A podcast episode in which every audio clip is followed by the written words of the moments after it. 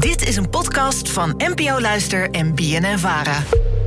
Hoi, alledaagse vragen. Ik ben momenteel op vakantie en ik zie hier eigenlijk allemaal mensen met hoge witte koksmutsen in de keuken. Waarom zijn deze zo hoog en waarom zijn ze wit? Beide lijken mij namelijk niet handig. Alledaagse vragen. NPO Luister. Dankjewel Jesse voor het insturen van je vraag. Storm Polly is inmiddels weer gaan liggen, maar toch doet de NS het nog niet helemaal normaal. Eh Merel die is helaas gestrand in Weesp vandaag. Eh, dus ik heb jou eventjes aan de mouw getrokken, Rosa, om Ja. voor haar in te vallen. Gelukkig, Storm Polly heeft mij vandaag niet thuis gelaten. Dat Nee. scheelt weer. Dat scheelt inderdaad. Ik heb gelukkig weer iemand om de podcast mee op te nemen. Ja, we gaan het deze aflevering hebben over eh chefkoks en chefkoks mutsen. Rosa, als jij aan een chefkok denkt, hoe zou jij die dan omschrijven? Als ik aan een chefkok denk, dan denk ik aan een grote man, toch wel. Beetje een dikke man ook, waar zijn witte jasje zo strak om dat buikje zit gespannen. Ehm, en ik denk ook nog wel een goede snor, die hoort eigenlijk ook wel bij. En een Ah. licht bezweet voorhoofd. Een licht, ja, want het is hard werken als kok. zeker hard werken. En natuurlijk dat mutsje, hè? Ja, de koksmuts. De classic koksmuts. Inmiddels kom je deze koksmuts in moderne keukens niet heel veel meer tegen. Eh, vaker zie je bandana's of andere hoofddeksels die vooral dienen voor de hygiëne. Want tenslotte, niemand houdt van een haar in de soep. Nee. Toch was het ooit veel gangbaarder om wel echt een witte koksmuts op je hoofd te hebben. En een van de bekendste chefs uit ons land is Pierre Wind. Hij weet alles over eten, maar ook alles over de culinaire wereld. De perfecte persoon dus om te vragen hoe het nou zit met die koksmuts. En daar maakten we Pierre heel gelukkig mee. Leuk.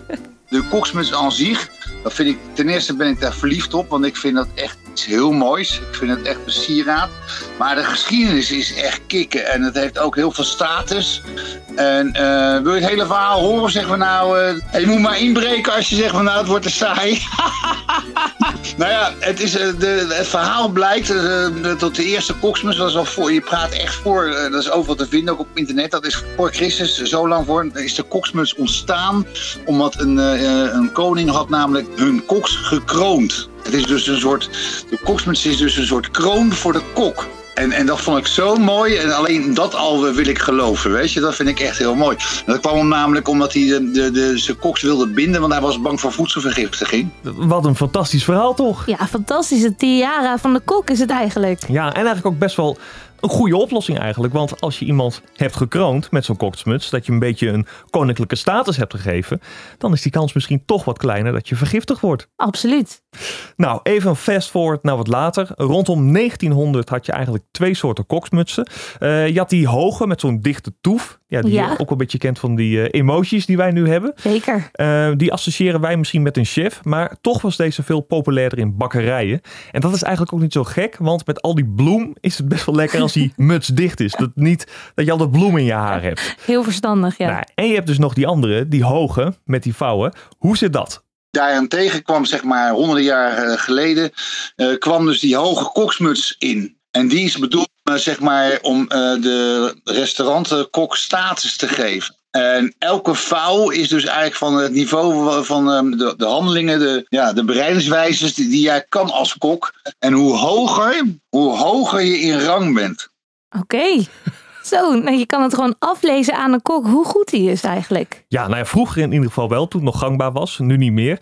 Maar ja, als je dan inderdaad een, eh, een chefkok in de keuken ziet met een eh, muts van eh, een meter. Ja, hoe hoog kan die muts gaan? Hè? Ja, dat, is de, volgende vraag, inderdaad. Nou, dan weet je dat diegene goed kan koken. Eh, nog even iets over de uitvinder. De uitvinding die wordt eh, toebedeeld aan een Fransman, natuurlijk. Mhm. eh, genaamd Antoine Marie Carême. Eh, in 1821 droeg hij deze muts voor het eerst. Toen hij kookte voor de Britse ambassadeur in Wenen. En dat bleek het start zijn voor de culinaire wereld. Vol met rangen, standen en dus ook verschillende soorten mutsen. Alleen maar om aan te geven hoe gedisciplineerd je moet zijn voor een goed culinair keukenwerk. Wauw. Alledaagse vragen. Nou, Roos, ik zei het al, inmiddels is deze muts niet echt meer van deze tijd. Al zei Pierre wel dat het ook een beetje terugkomt. Oh ja? Ja, en het wordt weer hip dus. En naast de koksmuts heb je in de keuken ook een soort keukenpak aan. Wat jij al een beetje beschreef bij Mhm. Ja, de ja. kok.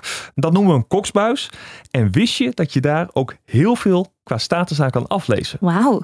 Ver terug was ook weer hoeveel knopen je had, hoe hoger je ehm, eh, in functie was. Ook daar weer, want dat was toen heel belangrijk. Hè? Hoe hoger je in functie was, hoe belangrijker je was. En later was het, zeg maar, eh, had, je, had je ook nog, eh, ging het in kleuren. De, de officiële lezing is gewoon hoe meer, hoeveel, hoe meer je knopen had. En die hele buis, die heeft ook weer een, natuurlijk een pracht, praktisch ding. Want ik weet, die koksbuis die heeft twee flappen over elkaar. Nou, dat is eigenlijk altijd zo geweest. Dat is om, om, om iemand te beveiligen. Hè, van, tegen de warmte bij, bij het fornuis. En het was namelijk ook heel handig.